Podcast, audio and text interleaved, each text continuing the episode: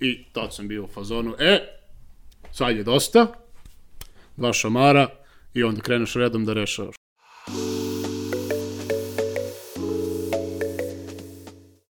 Ogine, dobro nam došao. Gde ste drugari, gde si Marko, gde si Marko, bolje vas našao, svako ko ne zna u netu kreaciji je jedini uslov da se zaposlite, ja se zovete Marko. A, jeste, hvala što ste me ovde pozvali, ova lepa najava, ovaj, obično kada dođem negde onda ljudi imaju problem kao šta ti radiš čoveče i Nosiš šarene košulje, Da, da, to je jednostavno, jednostavno odgovor, da. Da, kada se ga napunite posle 25. smo svi vršnjaci i onda skontaš da u nekom trenutku nije stvarno u redu više da se pojavljuješ u onim košuljama, tako da moraš da se malo formalizuješ.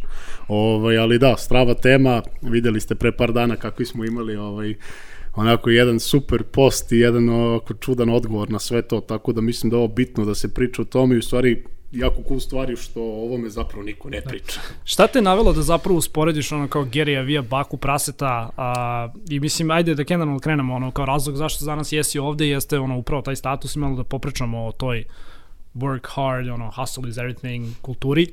Šta te navelo da napišeš takav status?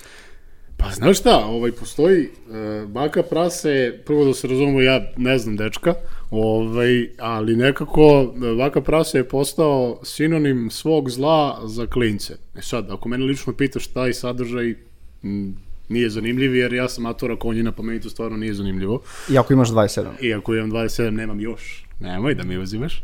Ovaj, ali s druge strane, svi se osvrću na taj neki, da kažem, ajde da ga nazovemo šaljivi sadržaj nekome je smešno, nekome nije, ali nigde nisam zapravo video, opet kažem, nisam prošao sve klipove, nisam neki verni pratioc, ali nigde nisam zapravo video da mislim da taj drugi deo, taj, taj deo oko tog hustle porna i Gary, sve što, ceo taj, ta self-help industrija koju ono Gary Vee i svi ostali promovišu imaju zapravo mnogo više uticaja na klince, između ostalog i ja sam imao jedan taj moment kad sam bio mali lud i mislio da je najbitnija stvar da radiš 20 sati dnevno dok ti ne krene krv na nos. I sad sam negde u poziciji sad i kako pravimo bar kod i sa svim e-commerce projektima i sa svim stvarima na koje dolazimo kao konsultanti i ostale, Glorify je poslednja, da kažem, stanica gde sam sticajem okolnosti došao kao konsultant, završio kao direktor, organizujemo tim, i imaš priliku da radiš sa nekim jako pametnim klincima, nešto kao što smo mi bili pre par godina i ovaj i negde uočavam da sva ta deca koje su prepametne i koji imaju sada neke mogućnosti koje mi nismo imali jer jednostavno tehnologija je uznapredovala industrija se razvila u mnogo su boljoj poziciji nego što smo mi bili. Svi imaju taj sindrom da se ono imaju taj kompleks niže vrednosti da, da, da se uvek osjećaju da on ne daju dovoljno i to je jednostavno jedan mlad čovek koji ono sa 21, 2, 23, nebitno je, a, kada se uđe previše u to, to ostavlja ozbiljne posledice. I nekako stvarno osjećam i odgovornost i, i sa svim klincima sa kojima radim, bukvalno ono sedneš sa njim i kažeš mu, Ibri, čekaj, stani, jesi normalan, šta si uradio, gde si prošao, tek si, bukvalno si tek na početku. Tek si zagrebao, nije normalno da imaš taj, os, nije normalno da imaš taj odnos, mora, mislim, da prođe neko vreme i moraš da postaviš u stvari stvari u glavi kako treba, da bi tak, čak i neki taj cilj ostvario ono da sam ne- neka stvar, cijela taj, ceo taj status je upravo nastao iz toga što sam jako me nervira na ličnom nivou, što bukvalno dolaze klinci koji su pametnice, koji su stvarno imaju veliki potencijal i sebe ruiniraju, a sa druge strane to niko ne adresira. I zapravo, neverovatno je koliko, a, koliko ljudi je stalo protiv te teze upravo na tom statusu koji je sticam okolnosti ušao u viral, ima preko 60.000 ovaj, pregleda i 500 i nešto komentara, ne znam sad ni sam. Neverovatno je koliko ljudi je zapravo stalo u odbranu Gary Vee-a kao takvog, da se razumemo, ja protiv Gary Vee-a lično nemam neki... O, Dobro, ne, on ima, on ima kult ljudi. Ima Ovaj, kult sad, ljudi, Šta sam, šta sam htio da ti pitam? Da li je u današnje vreme a, rad ili ti taj hustle nova valuta za ono što je nekada bio novac, moć, kraljevi, opulentnost nečega. Jel misliš da je to tipa ono kao nova vrednost kojima mi kao mladi ljudi težimo? Ili je to možda opet izopačeno kao što je tada bio ono Ja wealth? mislim, ja lično mislim da to nije uzrok nego posledica. Ovaj, mi živimo u monetarnom sistemu. To svakome treba da bude jasno. Pare nisu loše, nisu ni dobre. Pare su sredstvo, kao i tehnologija, zavisi kako ćeš da je upotrebiš. Ono što je definitivno je što su se negde, da kažem, te životne vrednosti malo promenile, ali su se promenile u tom domenu koliko jedan čovek kao pojedinac sebi dozvoli da ga promeni. Nekome je sreće vozi auto od 100.000 evra i to je to, nekome je sreća neke druge stvari. Da trebi sreće da voziš auto od 100.000. Ne bi se žalio da vozim auto od 100.000 evra, ali ne vidim to kao suštinu. Da si me to pitao pre 2-3 godine, da, verovatno bih ti rekao da, moraju milioni, kamioni, ovo, ono, sve najveće na svetu.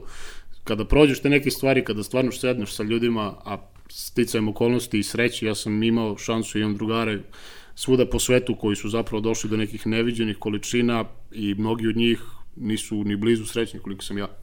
I kad to shvatiš i onda u stvari skontaš to da čovjek mora sam sebi da nađe neki taj balans, neku tu sreću, nešto što ga ispunjava, da li je to auto od 100.000 evra ili kuća gde te ono, čekaju deca, žena i prijatelji, zavisi šta je to za tebe. Za mene je auto koji ima brisač. Bože moj, doćemo se, do, do, dotaći ćemo se zapravo i te teme. Ovaj, Mare? Pa ja sam pročitao taj tvoj status, negde kad smo ga i pročitali smo žele da te pozovemo ovde, jer mi generalno dosta pričamo unutar kancelarije i mi diskutujemo samo toj o dosta o influencerima, o Baki Prasetu kao fenomenu, o Gary Vee i svim tom ono, kultu i hajpu ljudi koji je nastao. O LinkedIn mesijama. Upravo to, pričat ćemo kasnije. Uh, I ti si uporedio Baku Praseta i Gary Vee-a i ja sam bio iznenađen, kao što si rekao, velikim brojem komentara koje kao, ali ti si to nešto pogrešno uh, protumačio, Gary uopšte nije takav, on je ovakav, Ja sam bio kao, ok, da. ali kao dovoljno da Znaš pogledaš Gary, da, Gary, Gary je puta... tu zapravo u jako zanimljivoj poziciji zato što on jeste, ajde ako uporedimo, napravimo sada baš onako da. direktnu korelaciju, mislio sam da ćemo do toga da dođemo malo kasnije, ali evo, neka, neka ide odmah ovaj, u, u bubreg. A, ako napraviš zapravo korelaciju između njega, koji je generalno naš ono stvarno bio lik koji se onako mnogo cimao na svom poslu i koji je realno naš ono kao napravio nekakav uspeh i mislim kao što kaže ovaj naš lik zapravo uživa u tome kao ono it's not the it's not the thing that actually you know it it, it know the process of on of, of buying like New York Jets it, it's not what makes me happy da, e, zapravo je znaš kao proces kupovine New York Jeta je ono što bi njega učinilo srećnim, ne to, ne to da bude vlasnik. On je možda tu jako specifičan, ali on je za sebe, znaš kao, jeste zapravo osoba koja je napravila neke određene poslovne uspehe. Ali drugi ljudi nisu i drugi ljudi se, znaš, sad nekako nadovezuju na njega kako je opet znaš ono kao samo treba da pričaš o tome, uh, to je samo zapravo stvar ovaj koja da. Šta je tačno napravio? Jer mi ne znam za neke pa, mislim, njegove poslovne kao, uspehe, okay, vidi, tome vidi, šta vidi. on priča. Vidi, vidi, vidi. Mislim, znači, ono kao, javno je ono kao dostupan podatak da on je generalno znači, ono, napravio bum od svog porodičnog ono kao vinskog biznisa. Tu je tipa ono, ne znam, kao napravio ovaj, za par godina je biznis koji je vredan, na primjer, 3 miliona dolara na, ono, doveo do biznisa koji vredi 60. Ako moraš da kroz novac kvantifikuješ uspeh tog biznisa, da, jeste napravio je dosta. Kasnije ono osnovao ovaj Vaynerchuk uh, Media. Media ili Entertainment, ne znam sad kako. Znaš kao, i to je jedna ono jako velika poznata njurka agencija, znači poznat je i on kao ime. U tom nekom smislu realno napravio određen uspeh, ali opet, znaš kao, ajde da se vratimo sad ono kao po koju cenu i tu bih iskreno voleo da otvorim ovaj, uh, da otvorim ovu drugu ovaj temu ovog, ovog, ovog današnje emisije, a to je da naš ono, Da, svi negde, svima je negde jasno da postoje određeni periodi u životu kada ti realno moraš da sedneš i da radiš. Um, I sam, znaš, kao, kako nam je ova nedelja bila ono kao stresna, koliko sam ja lično ostajao ono kao do, do kasno ono uveče, čak i kad sam ono otišao preko dana u ovoj kući diskuliram dva sata, pa onda kao radi uveče, znači to jeste ono work hard, ali niko ti ne govori ovaj drugi deo work smart, a ja bih čak rekao, pa evo mislim Ognjena, ono zamolit ću te da, da mi da ono, da uskučiš ovde, ali znaš kao work smart je zapravo onaj deo kako treba čovek da radi. Mislim da ok, treba da se negde spališ na početku malo, ali ne možeš da imaš isti drive koji si imao sa 21, 2, 3 kao što imaš kasnije sa 30. Da, da a, to je, ja, ja sam uvijek sada u ovom momentu sam više pobornik toga da treba da se radi pametno, opet sada sam u poziciji u životu da znam šta ne treba raditi. To nisam znao sa 21, 2, to je velika razlika. Normalno da kad si klinac imaš samo energiju koju treba da daš i ja to totalno pod, podržavam. Ono što je bitno jeste da ne treba cilj da se kvantifikuje tome koliko mnogo radiš. I to je najveći problem. Jer ljudi dolaze do tog absurda da osjećaju svoju vrednost a, paralelno sa tim koliko su vremena u to uložili. To nema nikakve, nikakvog smisla. A da, ali opet, znaš, mislim, ako bavimo se možda različitim poslom, ja sam više u kreativi. Ja, na primjer, znam da ja ne mogu, znaš, ono, kao, moj posao nije toliko skalabilan. Ja se, na primjer, ne bavim prodajom gde znam da mogu da izautomatizujem, da pošaljem 30 mailova, da on, znaš, ono, da sedim, da odgovaram sa nekakvim ono, ponudama koje su možda negde formatirane ili do nekog smisla Tako automatizovane. Je. Da li onda za određeni broj ljudi prosto ta, to vreme koje ti potrošiš ono kao na takve neke ono stvari, Da li je to taj work hard, pošto vidi, u mom poslu, znači kada kreiraš ono kao kreativan sadržaj, kada zapravo moraš da smišljaš nove ideje, moja kreativnost, verovo ili ne, dolazi iz dosade. Iz toga znači, ono, imam dovoljno vremena da se ono, pored mailova, pored vođenja firme, pored ono kao gomilu drugih nekih stvari koje radimo, da kao imam ono dovoljan downtime da pročitam nešto, da se edukujem na neku drugu temu, tipa ono što kao, moj work hard i work smart dolazi odatle. Tako je, pazi sad ovo, um, opet bi bitno je, zavisi od industrije do industrije, ali evo naj, najbanalniji primjer. Uh, ja poslednjih dve godine radim kao konsultant, ljudima i dalje nije jasno šta znači biti konsultant. Idealna prilika se objasni. Konsultant se dovodi za uvek kažem konsultant je samo jako dobro plaćen freelancer, a, dolazi i dovodi se onog trenutka kad ti stvari rešiš, želiš da rešiš brzo. I ta brzina zapravo a, proističe iz toga što si te stvari već prošao. Konkretno mi smo u SAS biznisu jako dugo i imam tu sreću da sam radio ono na 30 projekata, šest od njih je bilo na kraju sa uspešnim investicijama, daće Bog, sad će sedma izvinite što kucam. Ovaj, a poenta je u tome što jedan čovek koji da kažem, nije u tom svetu, nema tu dubinu kontakta, da njemu će trebati mnogo, mnogo rada, i recimo jedno mesec do dva meseca dana, da sve to postavi od nule, a sa druge strane, ja sve te kontakte imam po nekim Excelima i oslovi, treba mi otprilike 5 dana da sve to organizujem isto. I to su, sad nije pojenta da sam ja superioran, on nije, samo je upravo to je taj balans, raditi pametno i raditi mnogo, nekada nema smisla, jer pametan founder će da kaže, ok, treba mi ovo da se desi brzo da. i pozvaću čoveka koji ima već sve to i samo treba da me navede, pre nego što da potrošim nečije resurse i mesec dana itd. itd. E to je cijela poenta priča koju ljudi moraju da prihvate i da razumeju.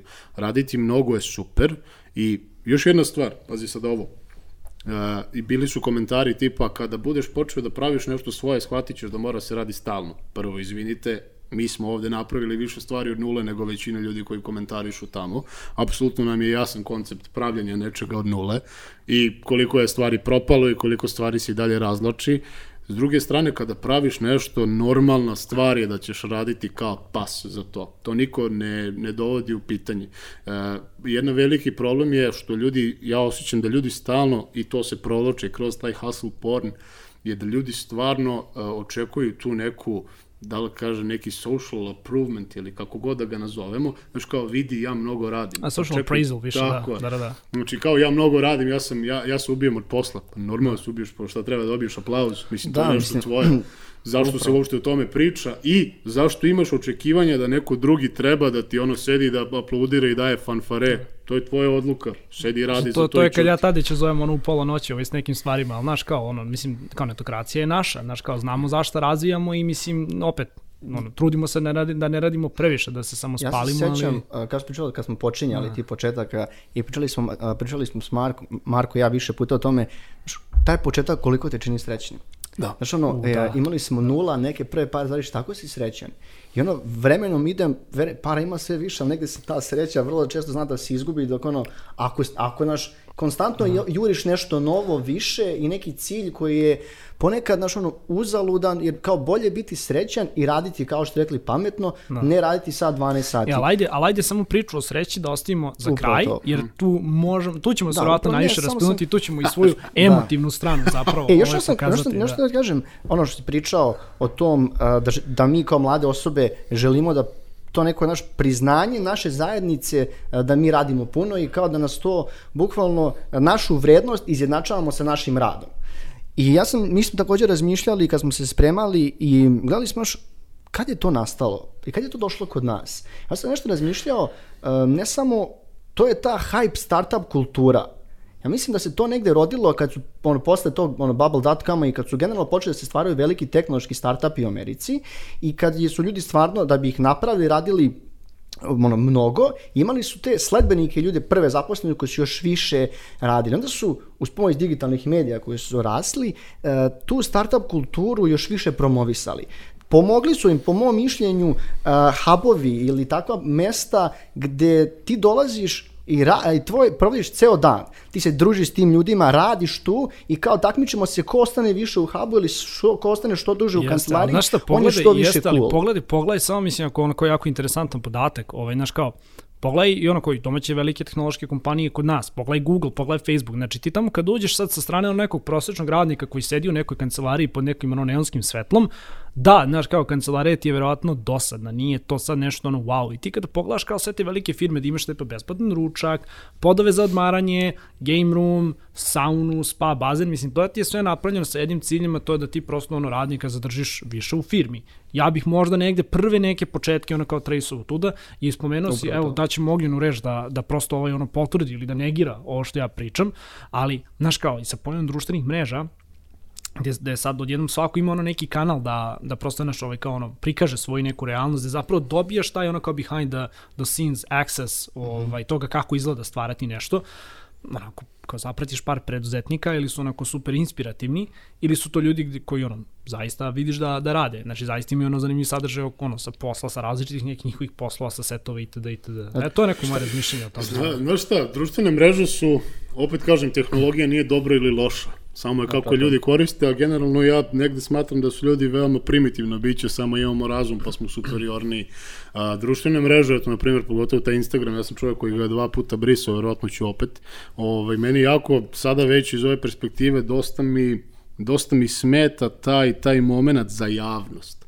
Znaš, i ovo, evo, pomenuli ste, naša zajednica ovde je prilično mala, svi se mi znamo, i ti kad provedeš neku dovoljno, neko dovoljno vreme ovde, ti tačno znaš ko je ko, ko šta radi, Znaš dalje neko fake ili Tako je, I, i postoji toliko ljudi koji su napravili ludnice, stvarno ono, ozbiljne priče koje nigde nećeš videti, nigde nećeš čuti.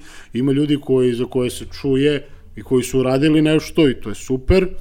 I ima ljudi koji, ono, ja dan danas nemam pojma jednu stvar konkretnu, znam da su se bavili nečim, ali ja nemam pojma jednu stvar, da kažeš konkretno, e, taj neko se bavi ovim, ostvario je ovo i desilo se to.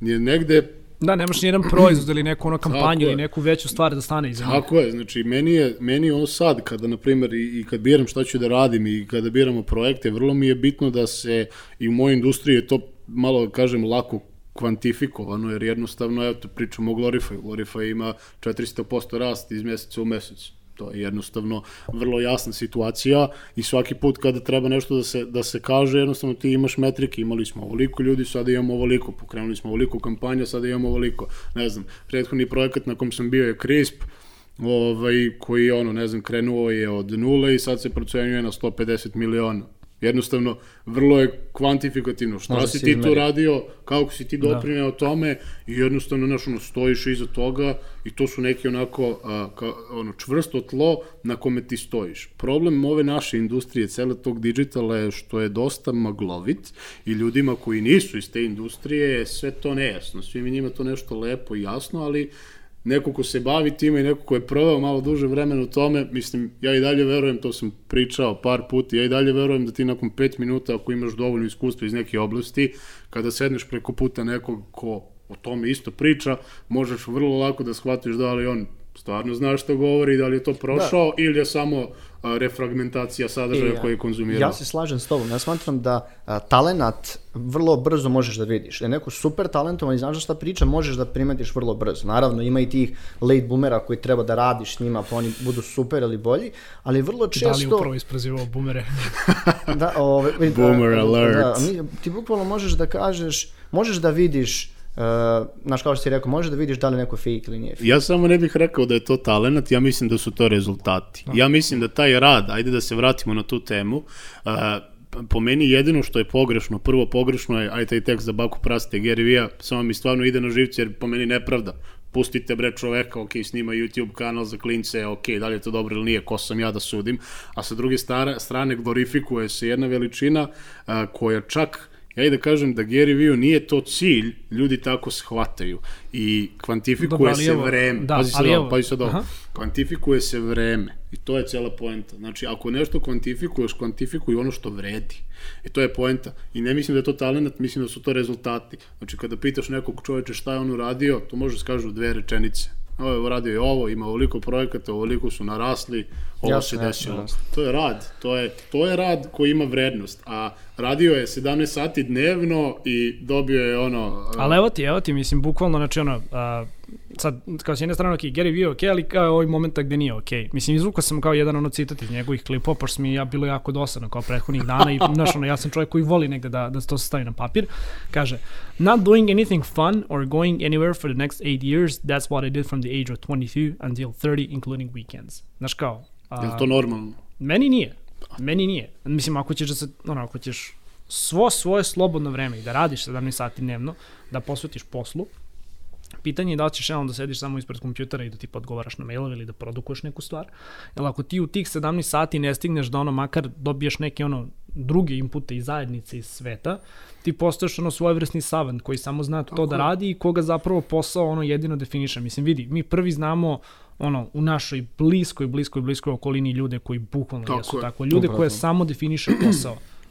Ja, ja, mislim, ja mislim da je to užasno, znaš, ono, kao kad pogledaš, mi smo da kraj dana, ono, mlade osobe, znaš, kao treba da imaš i neko novo iskustva. Ja prvi znam da zbog toga što sam negde onako, znaš, u početku možda i radio malo više, pa kasnije shvatio kako da radim pametnije i nisam se vodio tom mantrom hustle, hustle, hustle, moram da sedim 17, ono, kao sati na poslu, vidi. Ja dođem, sedim u kancelariji nekada po 4 satama i manje, odem, ono, radim druge neke stvari, posle toga uveče radim, znači, ono, radim pametnije, radim kako sam ja ono odredio, ali nisam dozvolio ikada da posao bude jedina stvar koja definiše mene. Ali trebalo ti vremena, kao što Ogin pričao, kad smo pa, krenuli trebalo nije mi bilo vremena, tako, da. znaš, mislim ja sam to otkrio tipa tek možda u protekle Ali, dve, tri znaš godine. šta je bitno? Ono, mi a, ili mi ne idemo i ne pričamo o tome. Znači, problem je što Gary i ostali, oni bukvalno javno pričaju A o mislim, tom mislim modelu. da, mislim da, naš, ono, mislim kao s jedne strane, ok, to donosi preglede, da se ne lažemo, s Da. druge strane, znaš, kao ti treba da imaš ovakvu neku diskusiju oko toga šta ta poruka zapravo predstavlja, kao što ćeš da odeš u muzej i da ono tipa analiziraš Monalizu.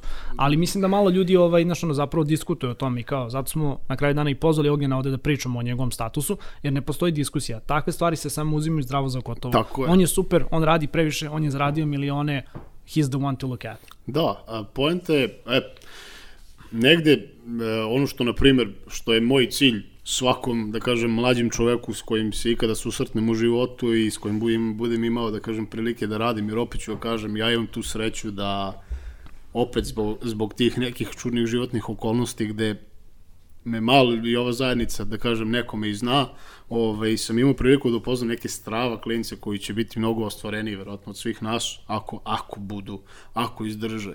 I, i cela fora, e, ljudi imaju jednu jako čudnu tendenciju da kada upoznaješ ljude, to je jedna kutijica i onda te oni tu stave i kako prolaze vreme, ako si normalan čovjek, savjesno radiš na sebi, ta jednostavno kutija se menja, menja oblik, ti menjaš svoje razmišljenja, menjaš načine rada, ali ljudi će uvek imati tendenciju da te ukalupe u to što su te videli i tu zapravo nastaju veliki socijalni problemi. Da, apsolutno. A, jako je bitno, ja na primjer sad i ja od prošle godine smo dva različita čoveka. I ja sad i ja pre dve godine smo dve ono totalno različite persone. Mislim da je jako bitno da je u stvari suština svega da ti sam sa sobom sedneš, skupiš onako dovoljno muda, da kažeš e ovo hoću, ovo neću, ovo me čini srećnim, ovo me ne činim srećnim, stojim iza ovoga i ka ovome ću da idem. I kad si u tom momentu, onda možeš da doneseš i jako radikalne ovaj, odluke i jako velike promene u životu, ali ja, na primjer, sada sam nikad mirniji, nikad onako staloženiji čovek, jasno znam šta hoću da radim, jasno znam šta neću više nikad raditi. I to Jesi je isto... da izbegneš burnout? E, nisam, imao sam burnout i to više. Jel znaš, mislim, ajde, ajde malo i o tome da pričamo, mislim, nam Tadić je, ovaj, evo, to, to je bilo ono kao tvoja tema koji si, ovaj, kada smo pripremali ovaj podcast, pa slobodno kreni sa, kreni sa tim. Pa mislim da je to dosta bitna tema, jer opet čitajući, analizirajući, spremajući se, um, Before After imao sjajan tekst, sećaš Lenos na poslu. Da. To je bio jedan, moram, moram priznati, jedan od boljih tekstova ovaj, u to vreme. E, naša koleginica Milena takođe pisala jedan sjajan tekst, e, da li je moguće sprečiti izgaranje na poslu, gde smo imali razgovore sa HR-om, HR-om, psihologom i, da. i jednim direktorom. E, to, on je nama dao, na on je, on je dao sjajne odgovore, mnogo bolje nego druge sagovornice, zagovornice, zato što je on baš imao to lično iskustvo, uh -huh. gde je gradeći malu, gradeći svoju firmu koja danas broji 120 ljudi, radio od 12 do 17 sati, jer je želo, ono, smatrao da mora toliko da radi, da je na kraju dobio ozbiljne zdravstvene probleme. I ono, trebalo mu je x godina da dosta stvari promeni. I on sada pokušava svoje zaposlene da motiviše, znaš ono, da, ih, da treba da rade na sličan način sada, ne da ono ostanu non stop na poslu, previše na poslu i da se ono nekako svoje najbolje godine, da treba da imaju ono što, da bi bio srećan i zadovoljan moraš da imaš malo raznovrsni život, da ti ispuni, jer e, dosta ti zanimljivi kreativni stvari, s- kao što je Marko rekao, kapiraš u dokolici. Ta dokolica izvod, izvod, izvod Dokolica ti vidi, dok- maštovitosti, kreative i mnogo drugih stvari. Dokol, u dokolici stvaraš, znači ono tvoj downtime i ono kao zašto je bitno da imaš kao ono vikende off, da se ono resetuješ, da prosto se dekompresuješ, zašto tad, ono, pogotovo ako radiš u kreativnoj industriji, mislim, a to je industrija koja je nama bliska, znači IT, kreativna marketinška industrija, mediji, znači mi tu radimo, to je prosto posao gde moraš da ono imaš downtime i iskreno kao ja lično nikada nisam doživeo taj ono burnout, baš zato što sam jako rano prepoznao da prosto moram da imam ono dokonost da bih mogao da nastavim da stvaram. Ja znam, izviniš, znam, ono, iz ličnog primjera, drugari i drugarice koji su završili na infuziji. Da, Da. ja sam isto. Da, da i ti si bio tamo. Ja mi nismo znali bio. to, ali- Ne, i vi. Ma da, i to ne jednom. Ovaj, ja sam Ja imao sam samo te jedno malo trovanje hrane kao nije, nije, nije, nije. Da, da, Ne, da, mislim, Bili ono, smo sa tobom tog tog Vrlo, vrlo jako. otvoreno pričam, ja sam imao burnoutova par, najskoriji se desio verovatno sad sa ono početkom korone gde guramo bar kod koji je onako jako zahtevan i težak projekat gde opet ovde sa Glorifyem je jedan starta po rastu, znači sve vam je jasno, pritom uvek ima nekih ono side projekata na kojima se radi, ali to nije više burnout u smislu, u smislu rada, sad ti se preforsiravaš sa, sa konkretnim operativnim radom, jer sam taj burnout sam proživeo, pa sam shvatio da te stvari, da ne moram sve stvari da uradim ja, nego mogu da dovedem nekog ko će to da uradi za mene, ali taj burnout je više nekom ono kao psihičkom nivou gde si ti samo pretrpan. I to je u stvari možda najjači m, jedan od stvari od okidača koji su doveli do toga da ono sve živo promenim u životu ovaj, je da se bukvalno taj osjećaj, pričamo o osjećaju, bukvalno probudiš se jedno jutro i ja nis, pritom svi me znate, ja sam ono hiper čovek, uvek sam za akciju, idemo 200 na sat svuda, U krivinu. u krivinu kao Ivan Gavrilović. Ovaj, naš, budiš se jedan dan i sad pazi ovo, korona, sve je stalo, ovaj, prihvatio si to da je sve stalo, znaš, nema sad tu više nekih ono poziva, urgencija, ovo ono, svi su sada u toj panici i prvi put ono odmaraš i ti shvataš da ti ne umeš da sediš mirno. Ti shvataš, evo ja sam shvatio da ja sedim i koleno mi igra konstantno za tri meseca pre toga, znači konstantno, ne mogu da sednem, da ne skinem I sat. naš tonac te gleda i džadžuje, apsolutno. Tako, ovaj, i onda je vrhunac svega toga dođe kada skontaš da ustaneš ujutru i bukvalno od jednog takvog čovjeka koji ono sve može, sve ajmo, nemaš želju da ustaneš iz kreveta. Bukvalno mogu vam kažem, dva dana sam presedao u krevetu. Bukvalno, znači ne šalim se, dva dana sam se ono probudio da obukao laptop, otvorio mail da ima se nešto dešava, ništa se ne dešava, niko ništa se ne dešava, ovaj, jer prva, druga nedelja korone pakao svuda u svetu, kao gledam Netflix, ok, ja gledao sam Peaky Blinders, to mi je bila strava, ovaj, ali ono što kao nemaš volju da živiš. I onda treći dan negde, ovaj, vrhunac je stvari bio kad sam toliko me mrzelo i otišao sam u kupovinu da imam kao nešto da pojedem i ono osnovne stvari u kući. Vrhunac je bio a, kada sam u stvari seo i bio u fazonu, ja sine, nećeš više ovako moći. Kada bukvalno sam sa Donesija iz Burgosa, sam naručio burger, oni su došli i ja sam shvatio da nemam s, čist tanjir kući uh -huh. i bacio sam burger. Bio u fazonu, neću ni da jedem, vraćam se u krevet.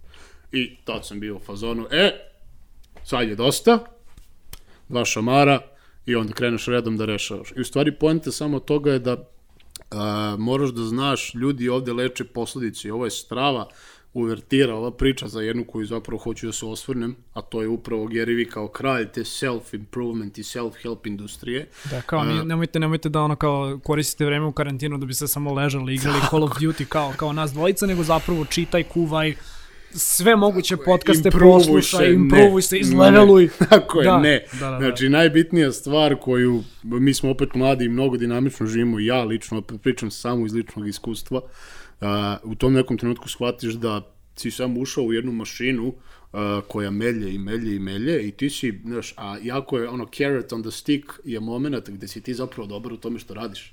I kako ti sad da ostaviš te stvari kada gledaj ti kako šuriš, ali suština je da si postao ono ljuska jedna obična. Da. I onda se naravno sedneš, ono odvojiš malo dana za sebe, malo se vratiš za to ovaj, i kreneš da rešavaš stvari. Za to treba jako mnogo, hajde da kažemo ono, volje, pre svega. Mislim da treba dosta, dosta onako i suočavanja sa sobom, jer meni je negde okej, meni je stvarno sve okej. Znači, ljudi imaju problem sa tim da pričaju šta je dobro, šta nije, na društvenim mrežama je sve glorifikovano, sve je najbolje, sve ikada, nije. Znači, jednostavno nije i skroz je okej da budeš fucked up. Da. Samo je, nije, znaš, nije hrabrost tamo gde nema straha. Hrabrost je kad ima straha pa ga preskočiš. Kao što nije ni ono vrednost tamo gde se sve dobilo na gotovo. Tako da to je bio taj posljednji ono burnout iz koga sam izašao sa nekim ono dosta, dosta ovaj, zanimljivim stvarima. E, imam prvi put u životu, imam organizovano kad radim i koliko. Znači ono ustanem ujutro rano, krenem da radim od 8 i u 6 sam gotov. To je to, gasim sve živo za jednog čoveka koji je radio stalno i uvek ima sve aplikacije na telefonu i sve živo, preporod je. Imam tačno vreme kad su mi za privatne aktivnosti, kad se družim sa drugarima, kad se ode na, na, na koktel, na pijanku, kad se ovaj, m, imam ono family time.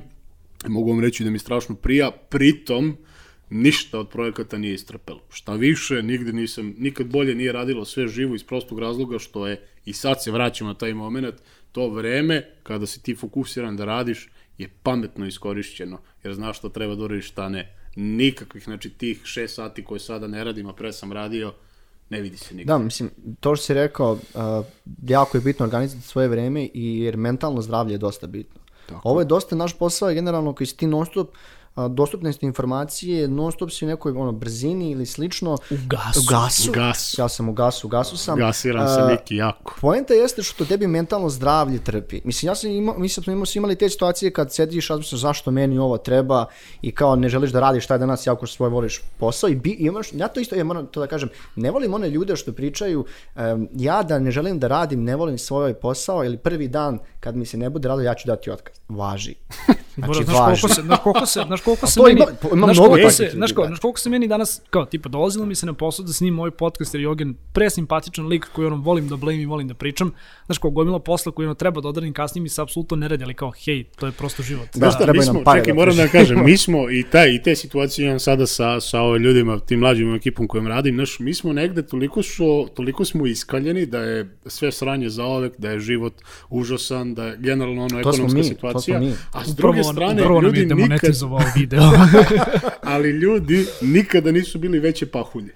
Da. Nikada na svetu nisi imao veće pahulje od ljudi koje se žale na sve živo. Jeste, tačno. Znači, neće sve biti lepo i neće sve biti strava, jednostavno prihvati, ako si, pogotovo ono kao, e, ako si navršio 29, 3, ti više nisi mlad čovek, jesi mlad, nisi tinejdžer, odgovoran si bre za svoje, 22. odgovoran si za svoje postupke i za svoj život, a nekad pregaziš 25, 6, 7, matura konjino, ne može sve da bude lepo u životu, nešto mora i da se uradi. I ta, nekako su ljudi izgubili taj moment, znaš ono, get shit done, nije lepo, samo ga završi, jer je to tvoj posao, i onda kasnije idi blej sa ženom, blej sa ortacima, napij se šta god hoćeš da radiš, Da. što ti pričinjava sreću.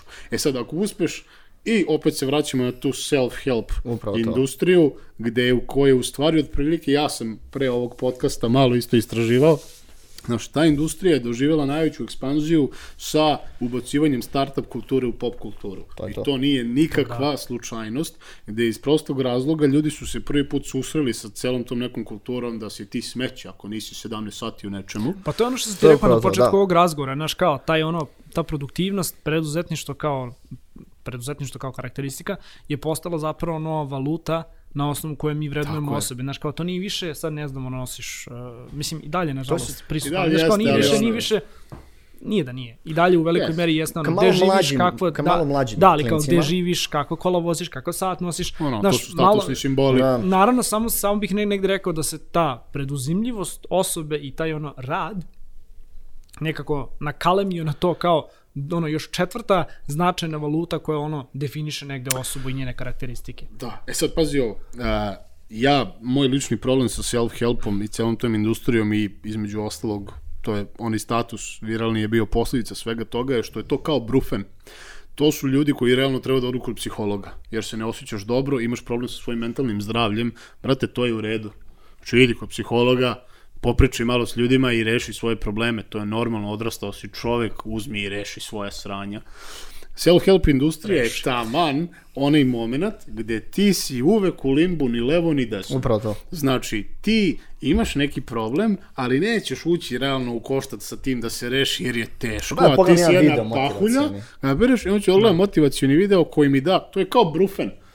Kao kad te boli glava, udariš brufen, prođete Da. i onda će opet da te zaboli glava i opet ćeš da uzmeš lek i ništa nisi rešio i najveći problem sa tim je što sebi daješ, najbitnija stvar, sebi daješ privid da si uradio nešto dobro, a nisi. Jer ti problemi i dalje postoje, a ti pošto si pahuljac ćeš ih sve gurnuti po Da. tepih i zato se dešavaju raskoli u firmama, u međuljudskim odnosima, u brakovima, jer su odrasle generacije ljudi koji, u kojima i mi spadamo, samo se stvarno trudim ja prvi da budem ono crna ovca svega toga, kad imaš neki problem dođi i reši ga. Da, to mogu nije da se lako. suočavaju sa nije lako. Tako je, znači ono ti imaš odnose gde prva svađa ozbiljnija je dolazi do toga da se sve raspadne. Čoveče, kad si, kad si umoran, idi odmori se i nastavi. upravo kad imaš problem, reši ga. Da.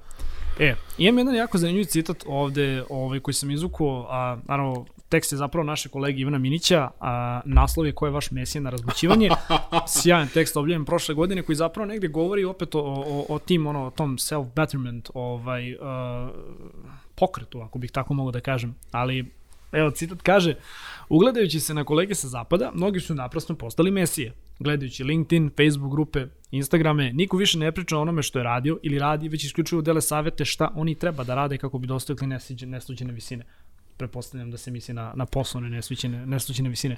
Neki tuđe savete kao svoje. Mislim da nisam na originalan sadržaj naleteo barem tri meseca.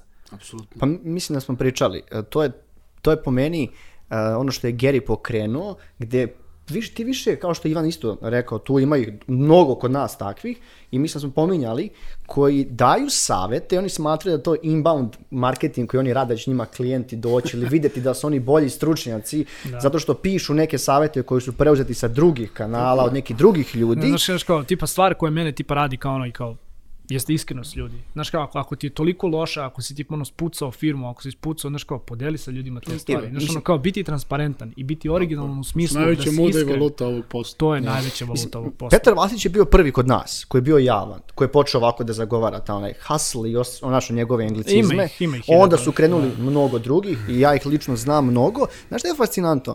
Što mi u industriji znamo ko su ti ljudi i ono kao za pogle ovog. Problem je što ovi drugi ljudi koji ni, nemaju dodir, oni ne znaju. Ali ne samo to, ti imaš i ovde naša, opet, podeljena, je, da kažem, ta industrija, dobro, pa ćemo da pređemo na, na ovaj poslednji zapravo segment i da završamo, ali podeljena je industrija, to zato što uvijek imaš ljude koji su ono non stop glasni, pogledaj mene, pogledaj mene, pogledaj mene, a da imaš kao drugu stranu industrije koji su ljudi samo koji rade, registruju ove koji se deru, ali su u fazonu, Buraz, znaš kao, i mislim da, u pravu si da neko ko tek ulazi u industriju preće da naleti na, na Da, dranje to je ovih problem. drugih ljudi nego nužno na, na, ono, na, na savete, pa čak i da nađeš nekoga ko naš ono sedi radi, ko se ne eksponira i kaže, Tako je. slušaj Buraz, znam da iza sebe imaš ono kao ozbiljnih projekata, da li imaš ono da odvojiš pola sata da te častim kafom i da Mislim sednemo da Da popričamo. imam čak temu za neki naredni podcast, možemo pričati, to je mentorstvo. Jer mi generalno nemamo mentora koji će da nas uči, teško, jako onda tražimo ovako neke jako savete na teško. internetu. To je strava, ajde da bukvalno Da. samo iskoristim to što si rekao. A, ja, na primjer, sve stvari koje sam naučio brzo i konkretno sam naučio upravo od mentora. I to pomenem svuda uvek. A, mi ovde nemamo kulturu toga. A, druga stvar, mi ovde nemamo kulturu toga da spoznamo da ti to treba. I to je, na primjer, Ogi Radić ima strašnu rečenicu, ovaj, koju sam ono, i ja sam krenuo da razmišljam na taj način, znaš, ti uzmeš i lupaš glavu oko nečega, deluje ti kao najveći problem na svetu, a istina je da ima neki bata koji ima ono više godina iskustva nego ti života i samo treba da ga okreneš I i, da ga kažeš mu za šta savjet, je tako i on će da kaže, dobro bre sine, ajde bre odmori malo, to se reši ovako i čao. To su ti problem mlađe generacije. To je neverovatno, ali jednostavno tako je. To što si pomenuo, to jest ti si pomenuo, znaš, postoji ta glasna jedna i to je najveći deo zapravo zajednice, koji su jednostavno, ljudi se takmiče, znaš, u našem poslu valuta je attention, pažnja, to je valuta i ljudi Pregledi, su i pregledi, klikovi, znaš, kao, da. koliko je, ne, jesi čuo onu pesmu, koliko Šuri ima 2 miliona pregleda na YouTube-u. Ajmo još jednom da kažem ovu rečenicu polako.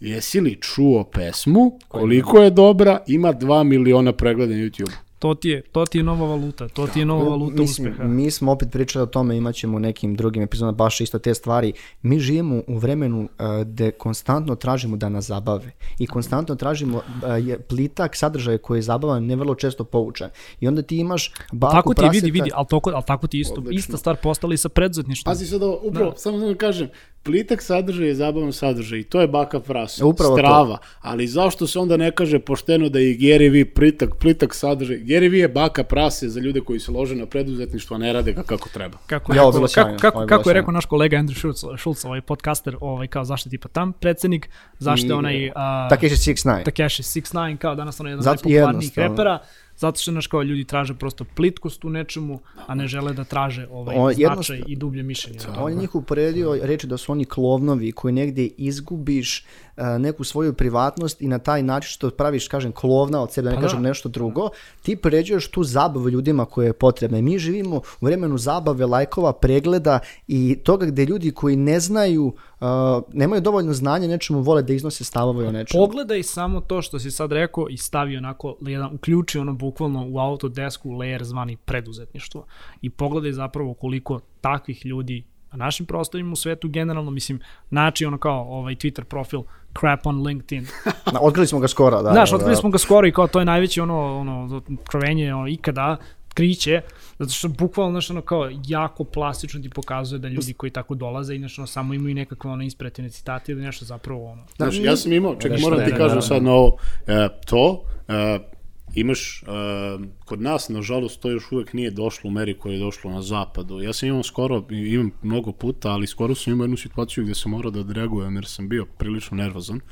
Ovaj, gde me cima čovek da me pita kako je najbolje da dobije klijente strane za svoju agenciju. I sad, okej, ja sam u fazonu, dobro, ja radim ovo, ja radim, a čime se ti baviš? Mislim, šta je zapravo usluga koju ti želiš da pružiš tim klijentima? I čovjek koji mrtvo ladan govori, pa ja prodajem lead generation, znaš, da oni dobiju klijente. I tebe pita kako da. Čekaj, čekaj, čekaj, čekaj, čekaj. Znači, u istom domenu radiš i prodaješ tu istu uslugu ljudima, a ti nisi svesan. Koliko klijenata imaš? Nula. Koliko si radio projekata? Pa, ovo ono. Znači, kako smo došli bre do toga? Znaš, i ti ćeš uredno da staviš na svom lin- LinkedInu da si ti CEO, da si ti ekspert, da si ti ovo, da si ti ono, i što najgore, doći će neki čovjek koji će ti dati pare i ti ćeš totalno da ga blestuješ i onda će onda misli loše o svima nama. E ja na to ne mogu, znaš, meni to stvarno mi je toga više preko glave. Ja nemam problem sa tim da ljudi pr probaju nešto, da rade nešto novo, ali čekaj bre čoveče, saberi se i onda još mrtav ladan dođeš i pitaš kako da to radim.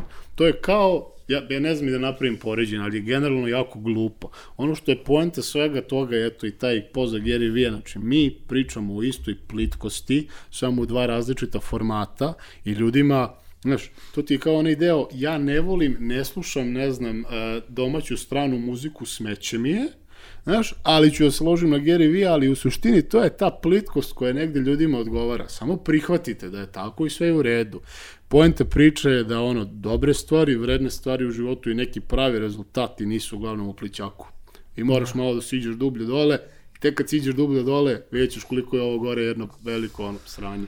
Uf, ajde da završavamo, pošto moramo da, da, da, da radimo ovaj, mnogo i puno i pametno. A, poslednje pitanje, da budemo čisto kratki i, ono, i, i brzi, a, pre nego što kolega Tadić odjavi ovako zvanično ovu drugu epizodu. A, koja je tvoja definicija sreće, koja je tvoja definicija uspeha? Posle ću ti reći koja je moja, ali ajde pitam tebe. Pa znaš šta, sada iz ove perspektive, moja definicija sreće, ajde da kažemo sreća na nekom životnom planu je definitivno porodica zauzima ogroman, ovaj, ogroman deo toj nekoj viziji ovaj, i neki mir i sklad. Ja sada iz ove neke perspektive malo sam ovaj, olabavio te da kažem karijerne uspehe, samo sam ih malo transformisao, recimo, a, nemam više neki afinitet da to budu milijarde, stotine ljudi itd. itd. Sada bih najviše voleo da ono imamo jednu, dve, tri koliko god ovaj, priča, firmi, projekata koji rade, koji mogu da okupe ljude koje, s kojima ja želim da radim i gde će to biti jedan, onako, jedna odlična sinergija i gde ćemo napraviti nešto što je dobro i što će zapravo svima nama obezbediti da svoju sreću ostvare. Ali moja sreća sada trenutno je onako kvalitet, pre bilo čega i dosta vremena za sebe i planiram da odem negde u penziju sa 35 za sada to ide kako treba ali ovaj iz ove perspektive mislim Mlad da će pasti penzioner. neki Mlad mislim da penzioner. će pasti neki ranč, neki zlatni retriver i ono armija Da. dečice. Ti, uspeh, sreća, Pa ja sam srećan.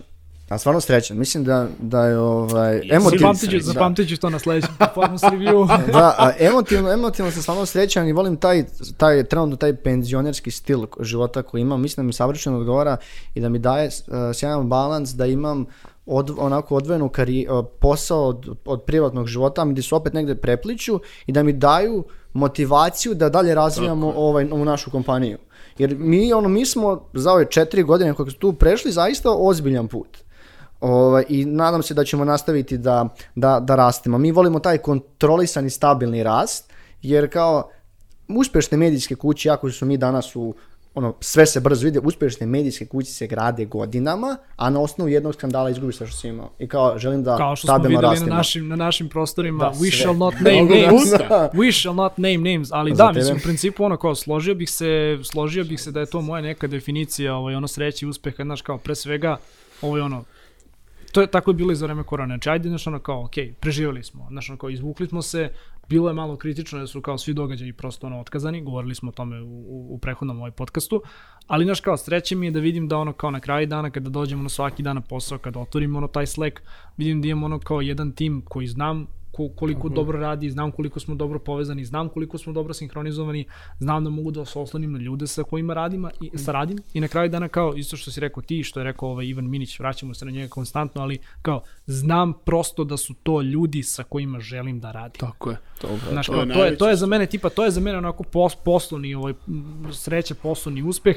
Znaš, ono kao, novca uvek može više da bude. Tako. Ono kao, mislim, opet vraćam se na Ivana, ali stvarno je ono jako, jako dobro ovaj lik za, za kvotovanje i za citiranje, ali znaš kao, na našem tržištu, para ima tek toliko da svi budu nezadovoljni. Tako da para nikada neće biti dovoljno. Tako je. Ali kao, znaš, ono, para, pare i novac ne treba da, da budu jedino merilo uspeha. Znaš šta, ja mogu da ti kažem opet iz lične perspektive, ja sam imao period u životu kada ono sam imao tipa a, 20 evra mesečno i period života kada sam zarađivao više nego sada, a sada sam prilično zadovoljan sa time, ovaj, mogu ti reći da uopšte sreća neka lična, nikad je nisam vezivao za pare, čak u tom nekom periodu kad je bilo sve na maks, ovaj, tih pre nekih dve, tri godine, ovaj, kada je baš ono bilo sve turbulentno i ostalo, dve godine recimo, nisam bio srećniji nego sada. I to se mislim ono dosta vidi po meni, ljudi koji me znaju dosta dužo, sad sam našao baš neki sklad. Drugi i najbitnija stvar koju smo se svi ovde složili, mislim da si odrasta u svetu preduzetništva kad shvatiš da su firma ljudi. Da, Upravo to. da, da, apsolutno. apsolutno. Firma su ljudi i nije niko došao tu da gradi tvoj san, ne, ne treba to tako da se postavi. Ti ako si veliki direktor, što ja ne smatram za sebe da jesam, nadam se da ću biti jednog dana, a, kada si veliki direktor, kada si veliki ono preduzetnik, što bi se rekao kod nas, gazda, Da. ovaj, znaš, ti si u stvari obezbedio sve te ljude i dao si im sve žive mogućnosti i oni zapravo biraju svesno da budu tu jer im je tu lepo i dao si im mogućnost da organizuju svoju Tako je, sreću. znaš Da, kao firma, firma nije Excel tablica na kraju dana. Da, i ja bi s tim nekim mislima završio današnju ovaj, epizodu i pozvao da nas pratite na našim YouTube kanalima, na Spotify, na Apple podcastu, Google podcastu i na našem na Antokracija RS sajtu. Ognjene, hvala ti puno na gostovanju. Marko, Marko, hvala što ste Evo me pozvali. Evo ga. Se. A mi se vidimo naredne nedelje. Ćao. Ćao.